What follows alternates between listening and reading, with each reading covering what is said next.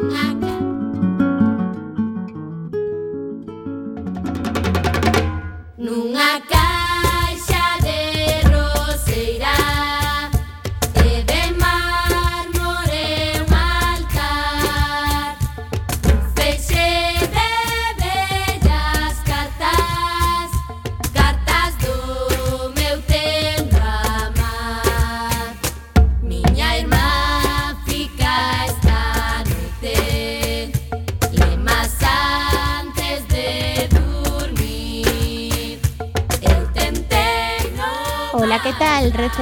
Benvidos e recendeiras, benvidos e benvidas a este espazo radiofónico semanal dedicado á cultura que facemos en rigoroso directo todos os martes a 7 da tarde aquí no 103.4 desta emisora CUAC FM da Coruña.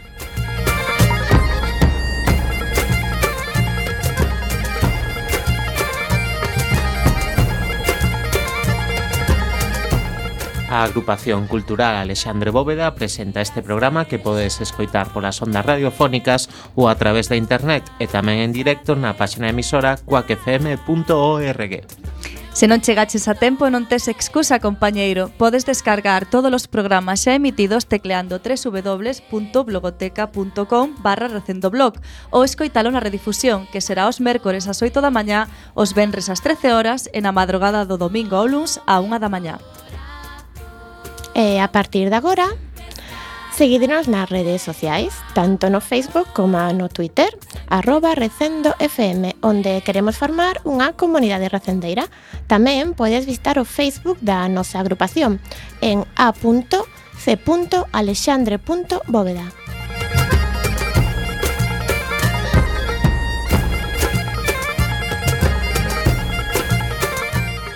E xa sen máis, imos caralón a procura desta fantástica aventura cultural con Roberto Catoira e Antonio Brea no control técnico e falándolle Escoa Almenteira, Gema Millán, Marta López e Javier Pereira.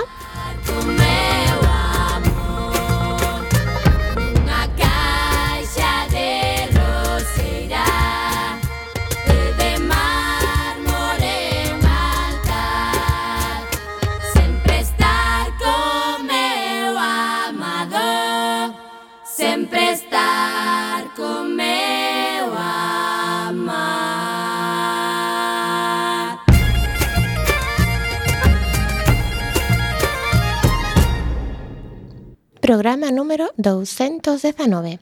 Contaremos como convidada con Ana María López Cortón, profesora da Universidade da Coruña, que nos falará sobre o filósofo e psicólogo Xoan Vicente Viqueira, do que ademais tamén é descendente. Teremos a sección de Medio Ambiente a cargo de Amancio Sotillo e falaremos das actividades da nosa agrupación e das outras cousas que se fan na Coruña e na Galiza e que tamén son cultura. E na música de hoxe, Dous na Fronteira é un delicioso dúo formado pola cantante ourensá Carmen Penín e o pianista italiano Maurizio Polsinelli. Acaban de editar no 2015 un disco titulado Sons de Nós, que presentan como unha homenaxe á revista Nós e ás Irmandades da Fala. Presentamos a primeira peza de hoxe titulada Noitor Noiturnio do medo e do romanticismo, baseada nun poema de Eduardo Blanco Amor.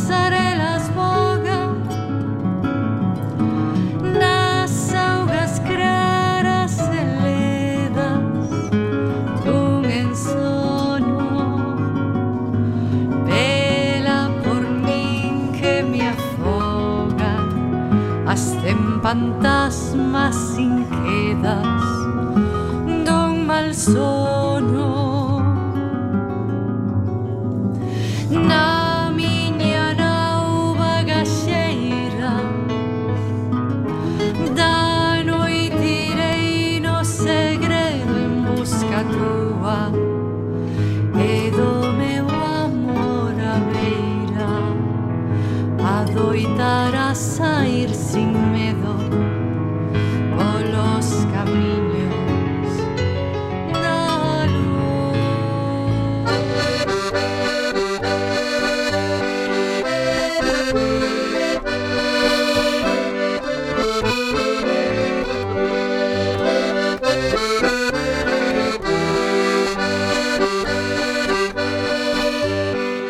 Principiamos coa axenda desta semana na Asociación Cultural Alexandre Bóveda. Temos un novo horario de apertura no local da Rúa Olmos. E de luns a xoves de 7 a 9 da tarde. O noso compañeiro Xurxo Couto atenderá vos gustosamente. Lembrade que o teléfono é o 981 200 869 e que o email é acap.mundo-r.com. Lembrade que todos os xoves ás 20 horas temos o ciclo de conversas en Irmandade. As previstas para o mes de abril son o día 14, Carlos Vizcaíño falará do teatro na época das Irmandades, o día 21, Xesús Torres falará con Alfonso Pose, cuñado e albacea de, Alfa, de Álvaro Cebreiro, e o día 28, Pablo González Mariñas e Xosé María Monterroso falarán sobre Genaro Mariñas del Valle. O mércores 20 de abril, o grupo de teatro da agrupación actúa no Teatro Calvo Sotelo ás 20 horas, coa obra Palabras de Víspera, de Álvaro Cunqueiro. O sábado 23 de abril, recital de poesía de Manuel María ás 20.30 horas no Teatro Rosalía. E o venres 29 de abril, Pilar García Negro falará sobre Manuel María e o teatro ás 20 horas no local da asociación.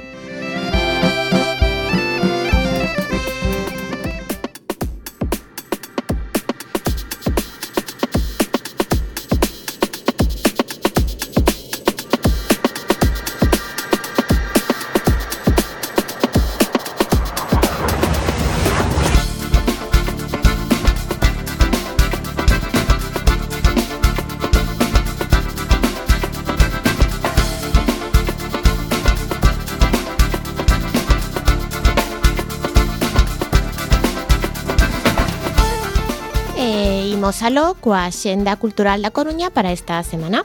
O xoves 14, no Colón, ás 21 horas, Julio Suárez and the Black Jars.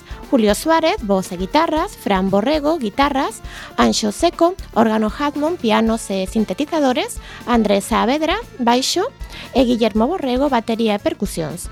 Conforma unha banda de rock alternativo no que destacan os sobrios arreglos. No Teatro Rosalía de Castro, os días 15 e 16 ás 8 e media, Ninet e un señor de Murcia, de Miguel Miura, baixo a dirección de César Oliva, interpretada por Julieta Serrano, Miguel Reyán, Javier Mora, Jorge Basanta e Natalia Sánchez. Un señor de Murcia cobra unha herdanza e viaxa a París co fin de vivir unha aventura.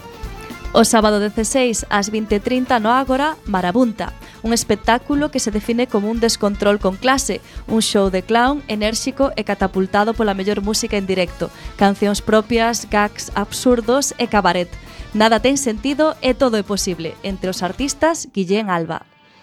E na sede da Fundación Abanca temos a exposición Tradición, Cambio e Innovación, que traza un percorrido pola obra de grandes artistas do século XX, como Castelao, Braque, Díaz Pardo, Blanchard, Dalí, Seoane, no Teatro do Andamio o sábado 16 ás 7 o domingo ás 12 e media e ás 7 Caperucita en el desván espectáculo da propia compañía do teatro.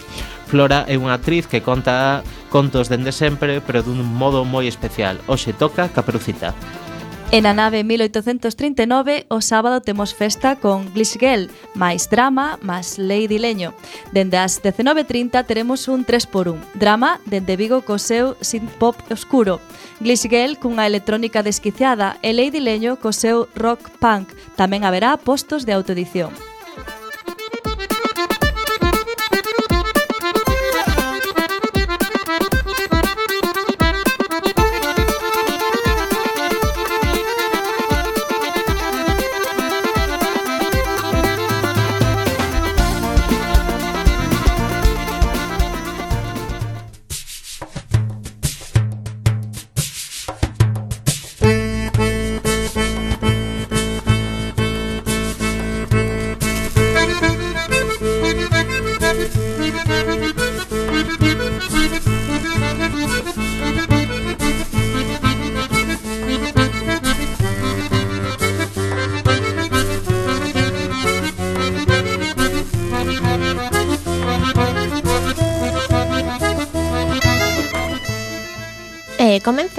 a presentar as axendas da Galiza e principiamos con Lugo. Fernando Escusa, Fran Castro e José Martínez Bojan proxectaron as súas obsesións musicais cara a década dos 60. Xuntáronse co san obxectivo de reverenciar tan inmenso legado do pop rock anglosaxón de formacións tan extraordinarias como a The Beatles, The Kings of Small Face, xunto co variado cóctel de artistas hispanos como Los Salvajes, Los Bravos Fórmula Quinta ou Los Brincos. Os mecánicos actúan o sábado 16 ás 20.30 horas no pub Clavicémbalo. Viaxamos agora ata Ourense, dende o Benres 15 ata o sábado 30 de abril terá lugar a Mostra Internacional de Teatro Universitario, que acada a súa edición número 21. A Mostra de Teatro é a culminación da actividade da aula de teatro universitaria e un, é un factor dunha intervención social e cultural de grande importancia na cidade de Ourense. Por exemplo, o Benres 15 en diferentes lugares, horas e prezos poderemos asistir ás representacións de O Banquete, A Cidade Sitiada e Strawberry.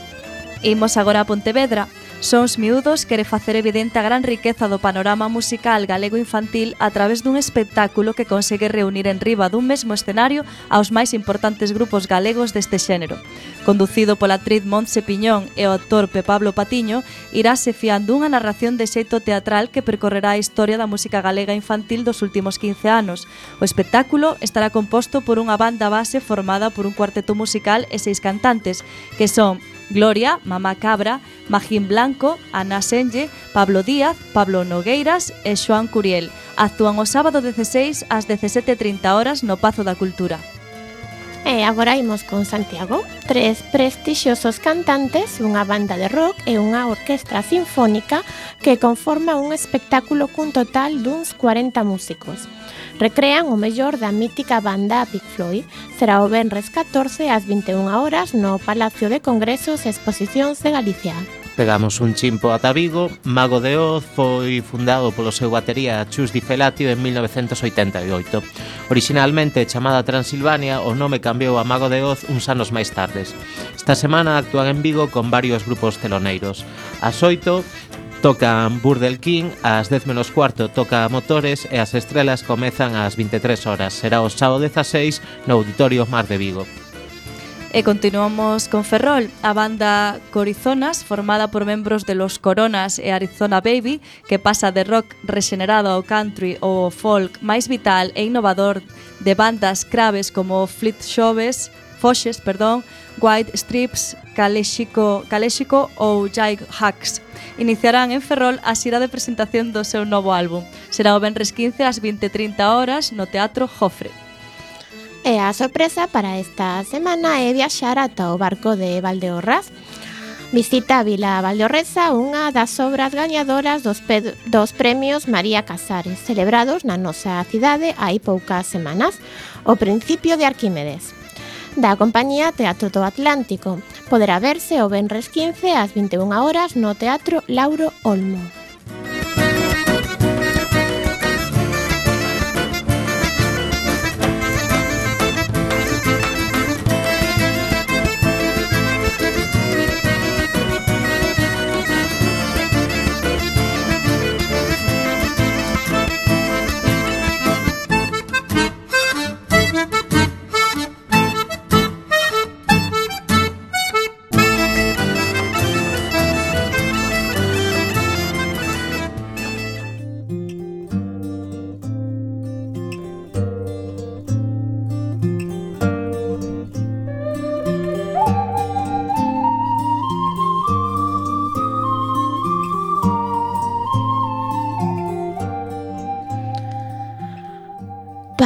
país longínquo e misterioso. En vagos soños emigra cada día miña alma, calinda cotovía, buscando ceu en tempo deleitoso. Lilleira vai voando ao cobizoso curruncho, todo ben e louzanía. En brete mas envolto de poesía, avalado dun cántico armonioso. Sabes ti onde queda, miña amada, este país dunha eternal ventura que nunca foi nin será igualada? Nos brancos brazos teus todo tenrura, no amoroso fulgor de tua mirada, dos beizos da cálida dozura.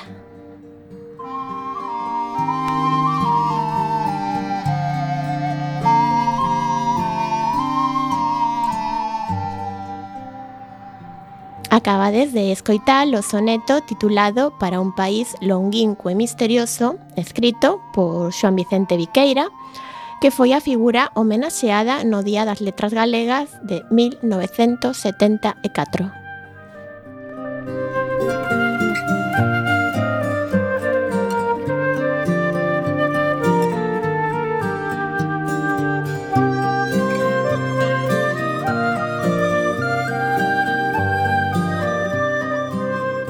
Como vimos repetindo ao longo desta tempada, este ano é o centenario das Irmandades da Fala. Hoxe aproveitamos para lembrar a unha das súas figuras máis destacadas, ao do pensador Xoan Vicente Viqueira, que mesmo ocupou a presidencia da Irmandade da Coruña. En realidade non precisamos do centenario para recuperar a Xoan Vicente Viqueira, que en segundo Ramón Piñeiro tería sido o primeiro gran filósofo galego de non ter morto tan xoven.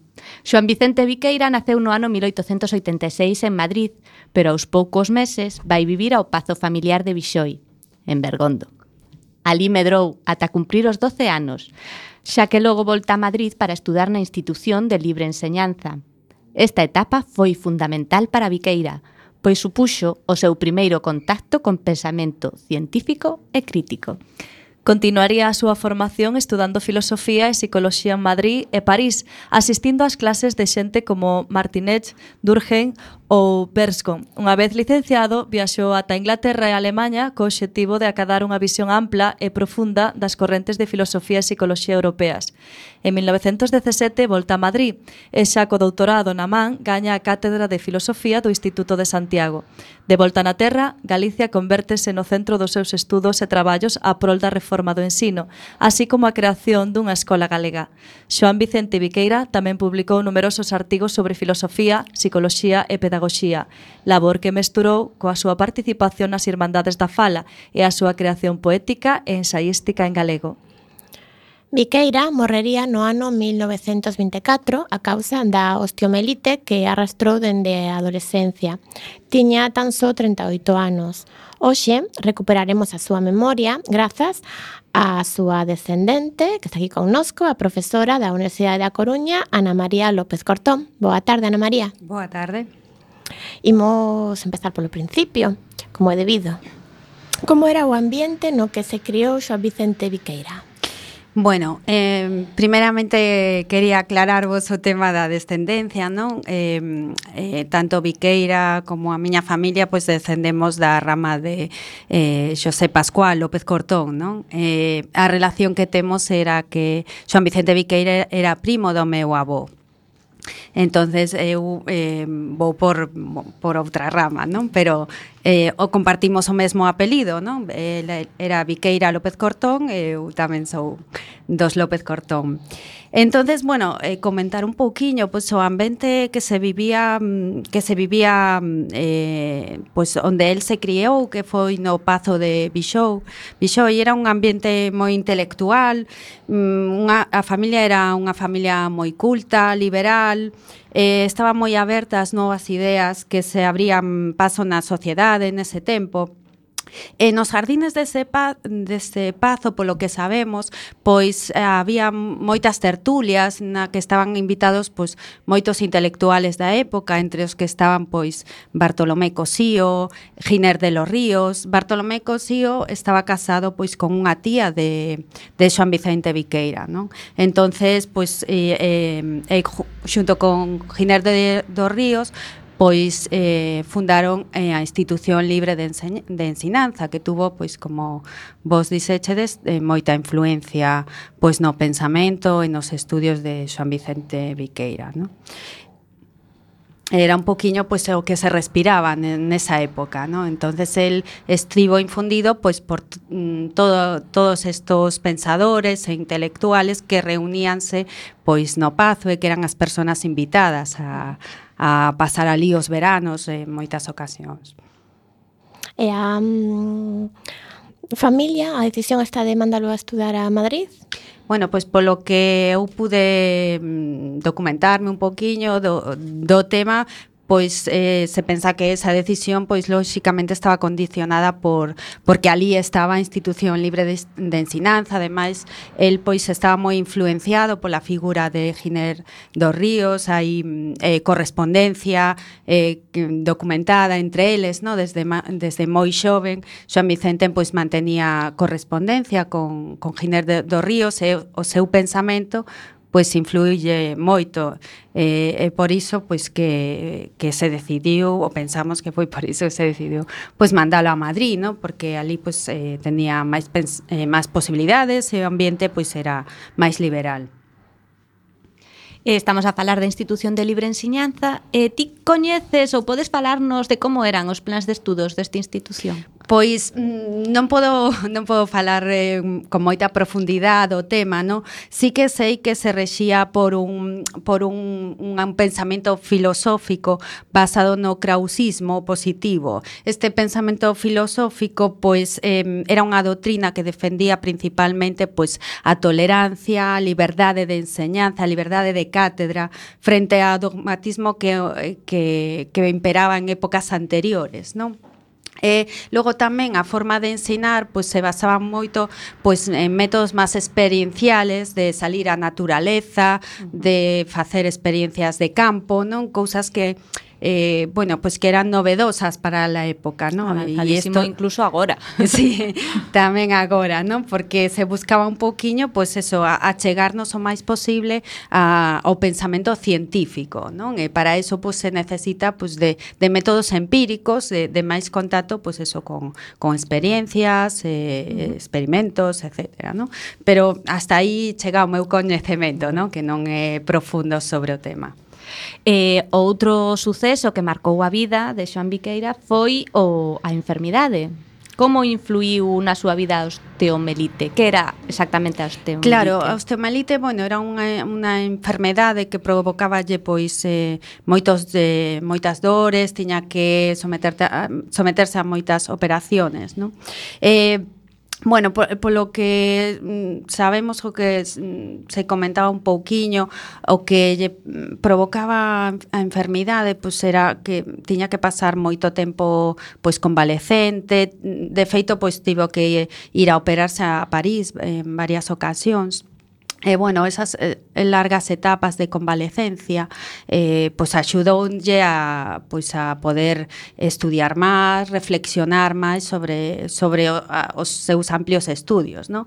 El en unha ocasión escribera tamén que que a enfermidade, eh, decía el, destrozou, destrozou mi cuerpo, pero afianzou mi alma, non? Uh -huh. É dicir, o que a veces pois, escoitamos é que as enfermidades, pois, eh, aunque son duras en moitas ocasións, pois, eh, nos hacen ter outra visión diferente do mundo, non? E quizá despois pois, eh, sí, neste todo. caso, pois, era o que lle pasaba a él, non? Uh -huh. Todo ese reposo aproveitou, ¿no? para estudar. Claro, para E ademais de filosofía e psicoloxía, sabemos se tiña algunha outra algún outro interés? Bueno, mm, como dixen antes, pois pues era unha persona pois pues, eh, de unha mentalidade humanista, é decir, que lle gustaba moito pois pues, aprender, ¿no? Eh, uh -huh.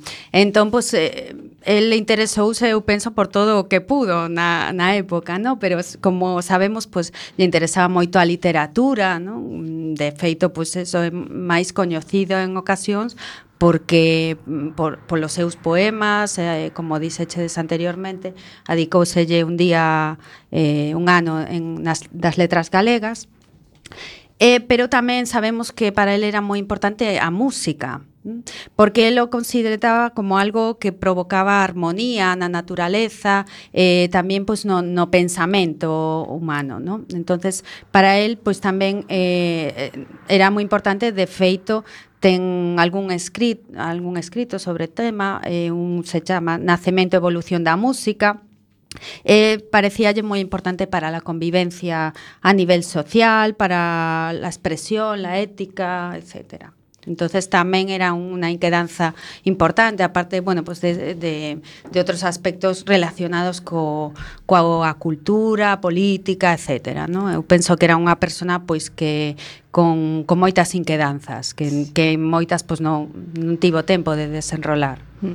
Pois Ana, aproveitando que falas de música, imos a facer unha pausiña e imos a escoitar o tema de Dous na fronteira, titulado Na cova de Rosalía, poñendo música a un poema de Otero Pedrallo.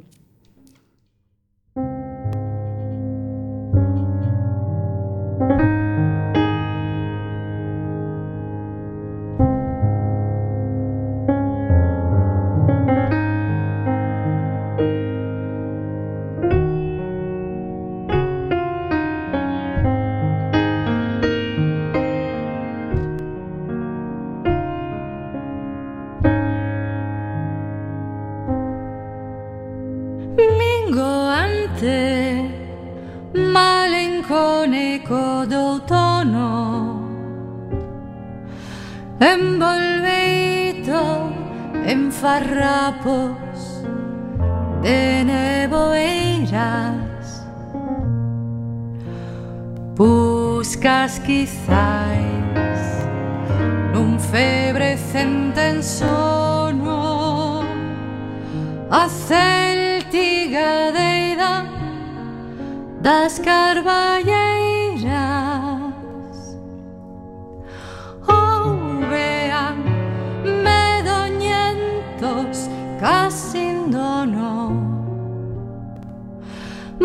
tiran rondas de bruxas nas xesteiras e pasada esta dea o grave tono nun tristeiro ruxi de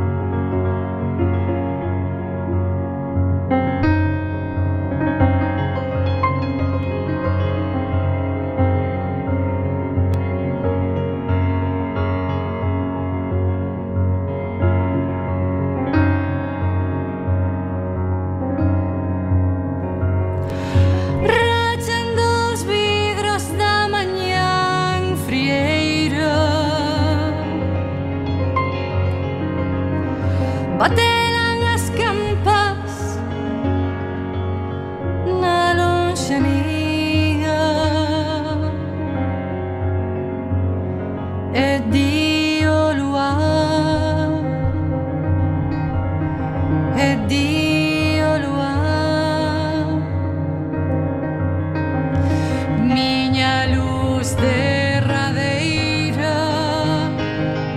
Meu morto crarexar antes do día. Soy lo busca con penas silandeiras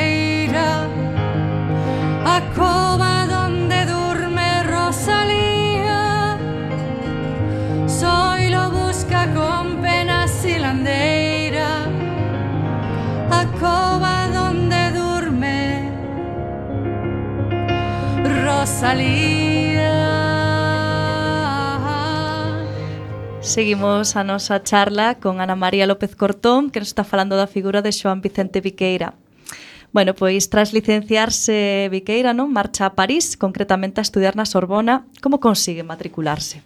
Bueno, pois pensamos que pola influencia de Giner de los Ríos o, o por eh, o porque o millor pois eh, eh, lle, lle animou a matricularse porque el eh, sobre todo nunha ocasión tivo que pasar pois bastante tempo en París convalecendo da, dunha das súas operacións e eh, eh, precisamente por eso pois seguramente decidiu pois esti, estudiar ali, non? Sí, o sea, el non creía que era necesario estudiar no estranxeiro. Non, sí, el pensaba que era moi importante formarse, digamos que tiña como unha mentalidade pois pues, global, ¿no? Que, que cando falamos agora da globalización, ¿no? Pois pues, en nese senso pois pues, el pensaba que era moi importante pois formarse eh, en to, en a maioría dos países que un poidera ir, ¿no? Para tener o máximo coñecemento posible de de todas as disciplinas e ver que se estaba traballando en cada un dos países. Uh -huh. E como resultou a experiencia académica para Viqueira? Bueno, pois en París eh, principalmente formouse cos, cos filósofos máis importantes da, da época nes, en ese, nesa ocasión, pero bueno, despois el académicamente pois tamén viax, viaxou a Alemania, que foi onde se formou tamén con, psico, eh, con filósofos, pero tamén con psicólogos, no? con pensamento que era ali pois se comenzaba co, coa psicoloxía científica nesa época. El, bueno, pois el estudiou eh, pois con, con algúns dos principales eh, psicólogos da, da época eh, en Alemania, non? El estivo prim, primeramente trasladouse a Berlín, eh, Eh, despois, bueno, ali pois escoitou un poquiño a fala dos, dos psicólogos, pero despois pois eh, escoitou escoitou tamén a a Gunt que foi pois eh, considerado o padre da psicoloxía experimental porque foi pois, o primeiro que montou un laboratorio para investigar eh, a psicoloxía ¿no? entonces esta perspectiva experimental da que falábamos antes non eh, científica pois marcou moito pois, o pensamento de, de Viqueira ¿no? e despois pois, tra, eh, trasladouse a Göttingen que era outra localidade de, de Alemania e ali xa el comenzou a facer as súas investigacións investigaciones e eh, os seus propios experimentos, que tivo que interrumpir pois debido ao estalido da Primeira Guerra Civil, eh, perdón, guerra a Primeira Guerra Mundial tivo que voltar a España. Pero bueno, é considerado como o primeiro estranxeiro eh, o primeiro español que publicou nunha revista estranxeira científica, non? E por iso pois eh, considerase como un científico español pois moi importante ne, ah, Todo nese senso. Tiña que saber un montón de idiomas. Pois sí, efectivamente, porque el tradu, eh, traduxo pois moitos eh, traduciu moitos textos, no, do, do alemán, eh, eh, do francés, no? El consideraba que era importante saber expresarse nos diferentes idiomas, non? O gale, por suposto, sabemos que era un defensor do, do galeguismo, do, do idioma galego, pero tamén defendía a enseñanza de outros idiomas como como o inglés, o alemán, o francés portugués que consideraba que era necesario poder expresarse en outros idiomas, ¿no? E tamén para tener coñecemento dos estudios neses países. Sí, máis que, bueno, psicólogo o grande psicólogo experimental da, da Galicia e tamén o grande traductor aos, aos galegos e os españoles da, uh -huh. eso, da psicología experimental que triunfaban en Alemania, do, do novo paradigma da, sí. da psicología experimental. Non sei se Queres afundar un pouco máis en que destacou exactamente nas súas primeiras Bueno, experimentacións él... como la, la psicología como de laboratorio. Sí, sí, de laboratorio. Bueno, él, él estudiou sobre todo eh, no laboratorio que decía en Gotinga, que era eh, unha cidade alemana, estudiou con, con Müller, Eh, bueno, eh, eh, ali estudio os, os primeiros estudios acerca de pois eh, a memoria, ¿no? Eh, como funcionaba a memoria. Entonces él, bueno, quería o, se pensa que quería demostrar un pouco pois eh, eh, que era máis importante como se aprendía, se si se aprendía por asociación ou se aprendía pois por asimilación, ¿no? Si si se iban asimilando. Entonces, bueno,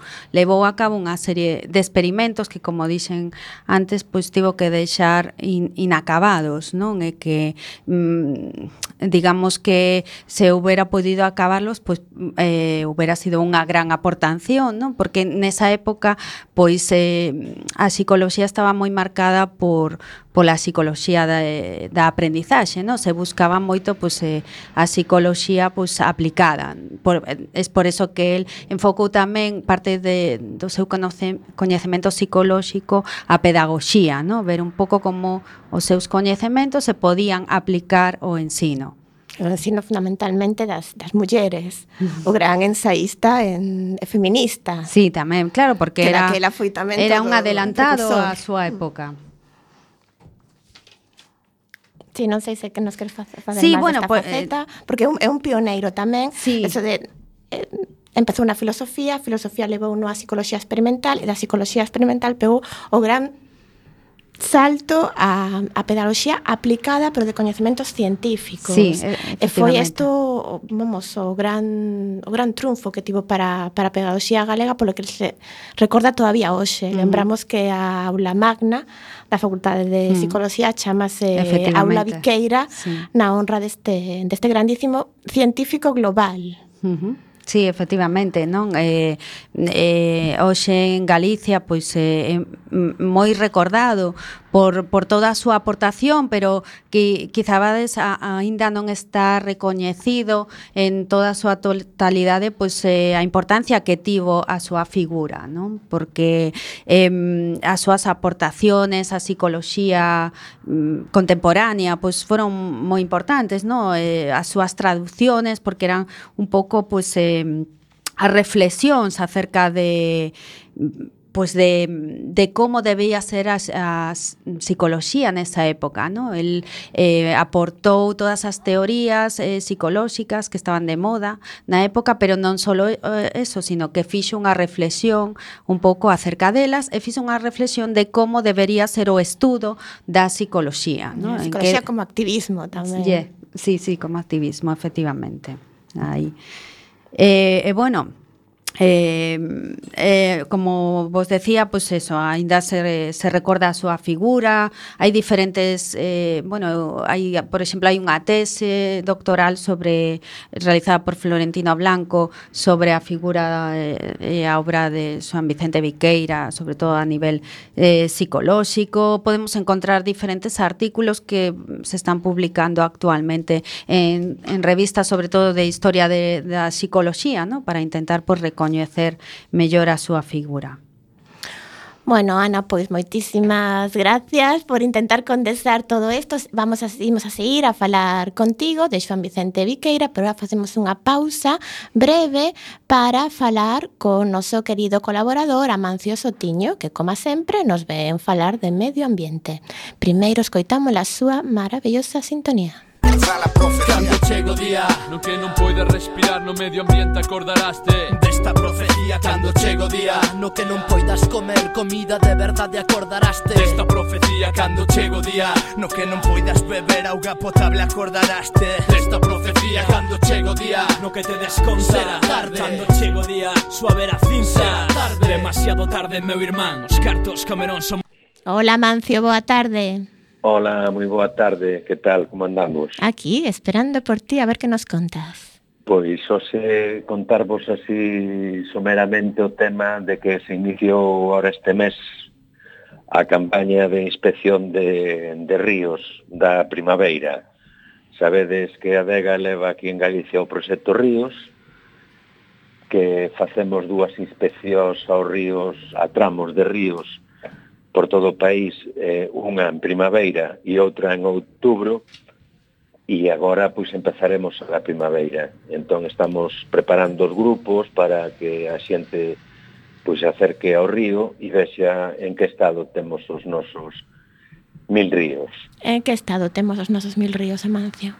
Pois a verdade é que quitando algunhas excepcións escandalosas, eh, os ríos eh, en xeral están ben están ben, podían estar bastante mellor. Quero decir que mellor máis aproveitados de cara a, a, a, ao que é un ben natural como temos, non? Pero bueno, o que é a calidade das augas está, están, están ben.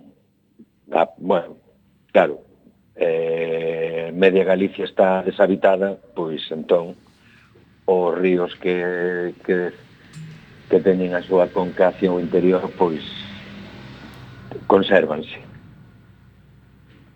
Algún aporte máis para hoxe? Eh, sí, bueno, decir que dentro desta campaña, pois en principio para o día 22 deste mes aquí na Coruña imos intentar formar un grupo para facer unha inspección no río Monelos e quedaríamos en FEANS e quen este interesado ou interesada pois que, que mire na web da ADEGA e, e para, porque ainda non temos concretado a hora e o lugar de encontro, pero vamos, a nosa idea é facelo o día 22 pola tarde e sería, pois eso, facer unha saída ao río Monelos ou un pouco o tamo que queda hoxe en día vivo, Pero, por así decirlo. Unha saída lúdica, reivindicativa? Con... Eh, unha, no, no, sería unha saída de, de, de inspección. De inspección. Sí, bueno, pois lúdica, sí, e tal, pero ver un pouco como, como está o río Sete, xa vos digo, eh, sería na zona de Feans. Sí. E, bueno, é unha oportunidade, creo que bonita, para que a xente do urbano pois se, se acorde do que non é urbano dentro da cidade da Coruña. E o contacto para os ouvintes que queran máis información?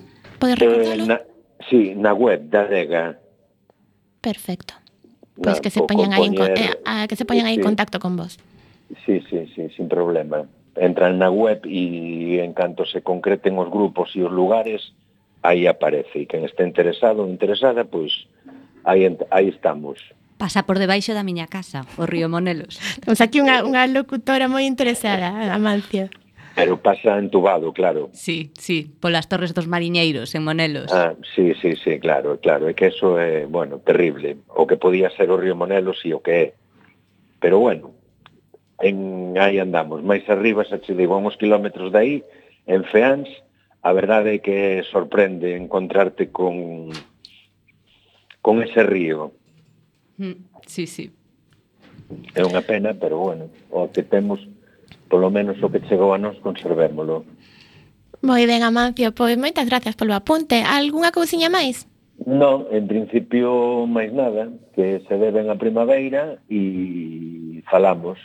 Falamos, claro e que gracias sí. gracias polo vosso programa. Agardamos impaciente a túa nova sección. Veña un biquiño. Uh, igualmente, veña, saúdos, aperta. A ti tamén. E eh, seguimos con Ana Cortón. Ana, eh, existe algún tipo de relación entre o seu afán reformista de Xoan Vicente da educación e a súa pertenza ás Irmandades da Fala? Bueno, pois, eh, como decíamos antes, pois eh, Xoan Vicente Viqueira pois eh, quería que as cousas mellorasen, quería cambiar un pouco pois o sistema de ensino tradicional. E entón, bueno, pois eh, seguramente pois ese afán reformista pois eh, lógicamente pois trataba de eh, pois de enfocalo en, en os seus escritos, eh, eh no seu activismo a nivel social social e político tamén, non? Eh, en relación á ensinanza, Viqueira dedicouse a, a ensinanza durante un tempo, cando volveu a España, sí. non? Eh, por que non se dedicou á investigación ou á práctica clínica? Sabemos ou Bueno, eh, non sabemos con esa atitude, non? Eh, algúns documentos pois eh, falan pois de de motivos económicos, eh, outros escritos pois falan de motivos familiares. Tamén nesa época, lóxicamente, temos que pensar que o, ro o rol do psicólogo pois non era o rol que hai agora, non? Non se coñecía como unha profesión pois como agora, que un pode acudir ir a unha consulta de psicólogo, pois nesa época pois non había, non era máis unha eh, unha profesión orientada, pois como decía antes, máis a, a, a aspectos máis aplicados como a ensinanza neste caso, non? Uh -huh. Eh, hai que pensar, por exemplo, cando eu rematei a carreira de, de psicología, bueno, hai uns anos, non? Pero tampouco eh, tanto tempo, eh, nin siquiera a miña licenciatura é psicoloxía, sino que é filosofía e ciencias da educación, sección psicoloxía non? Porque non ha, non había esa denominación, si sí, en outras facultades, non, pero non en todas. Non, entón na época en que estamos a falar, pois moita xente non sabía ni, ni o que era un psicólogo. Eh, sabemos algo de que tal profesor era, Xoan Vicente? Bueno, pois eh, a ver, sabendo un poquiño pois a influencia que tivo na na sociedade e que en, pois con a xente que se relacionaba, pois eh, pois podemos pensar que era un bo profesor, un bo ensinante, ¿no? En algúns textos pois eh, hemos visto que os seus condiscípulos pois afirmaban que as súas clases de filosofía eran como unha grande revelación, ¿no?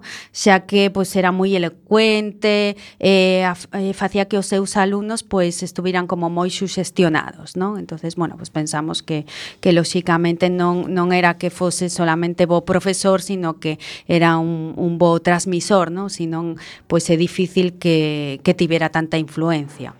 Mm, tiña fama tamén de bo orador, penso.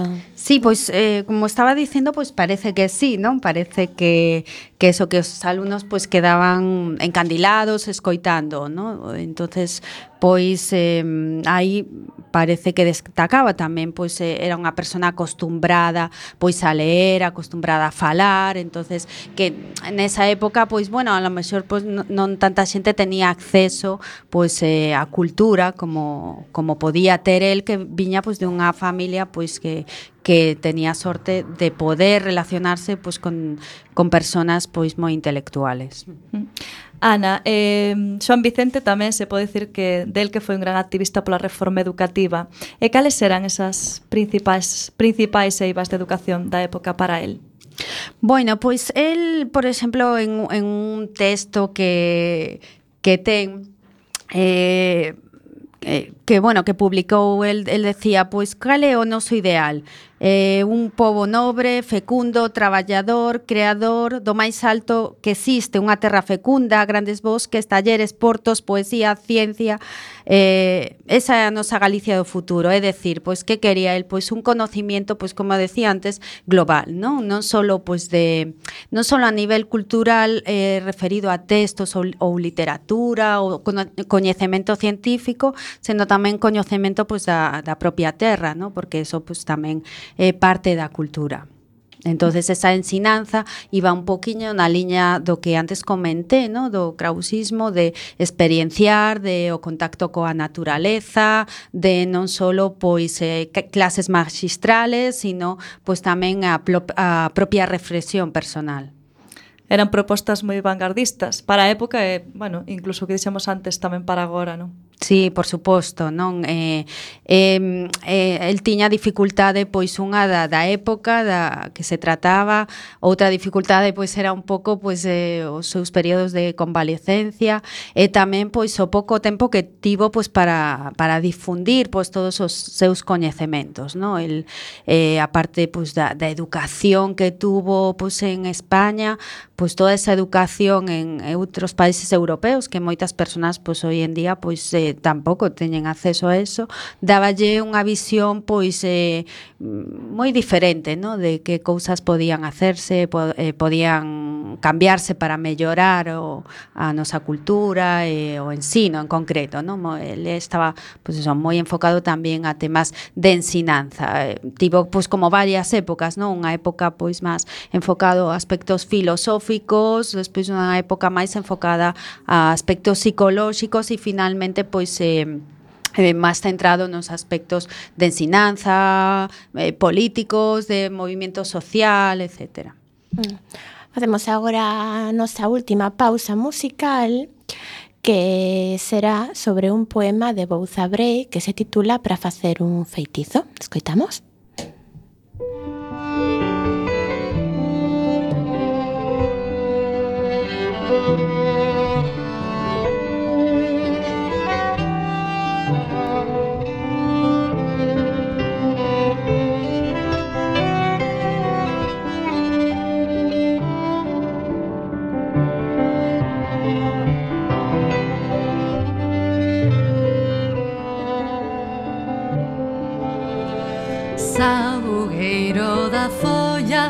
Repinicada. Polo maio estralando de brancas flores. Collerei un ramallo na madrugada. Para facer un feitizo pros meus amores. Que non fuxan os melros que fan o niño. No máis mesto curruncho dos teus verdores. Esgazar e chas pongas moi amodiño Para facer un feitizo pros meus amores.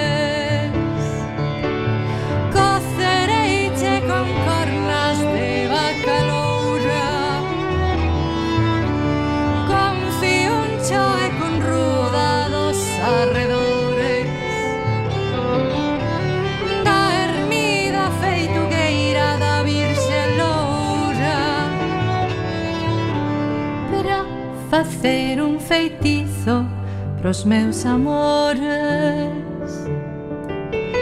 para este amor sabugueiro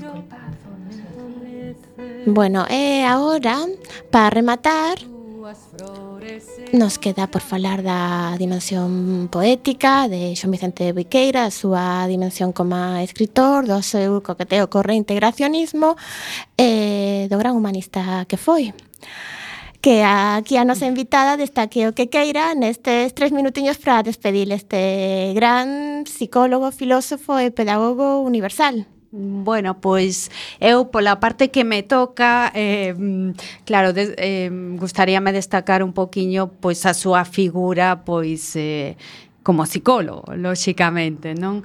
porque, claro, nunha ciencia que, que é tan xoven e que, e que, bueno, que ha tardado tempo en ser recoñecida pois na, na nosa sociedade, pois eh, tenemos a sorte de que eu, el foi un pionero, pero non só na Galicia, en España, sen, senón eso tamén en España porque eh, era, nesa época pois como dixen antes non era coñecido que era un psicólogo ni, ni o rol que tenía, ¿no?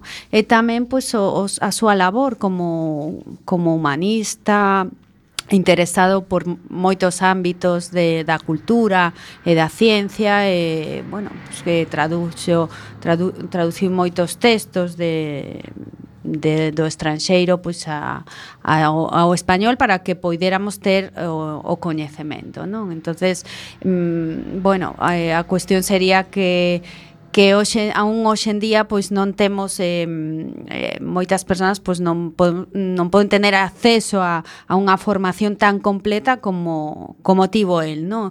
E eso pois nos dá unha visión de o importante que é o ensino, o importante que é a formación para que un despois pois poda poda reflexionar, eh, poda tener os, os, os as súas ideas eh, e os seus propios criterios como como tivo el, ¿no? Porque aún sendo moi xoven, pois eh, pudo pudo chegar a importantes conclusiones, e reflexións e, e eh, tener unas conviccións pois moi moi claras.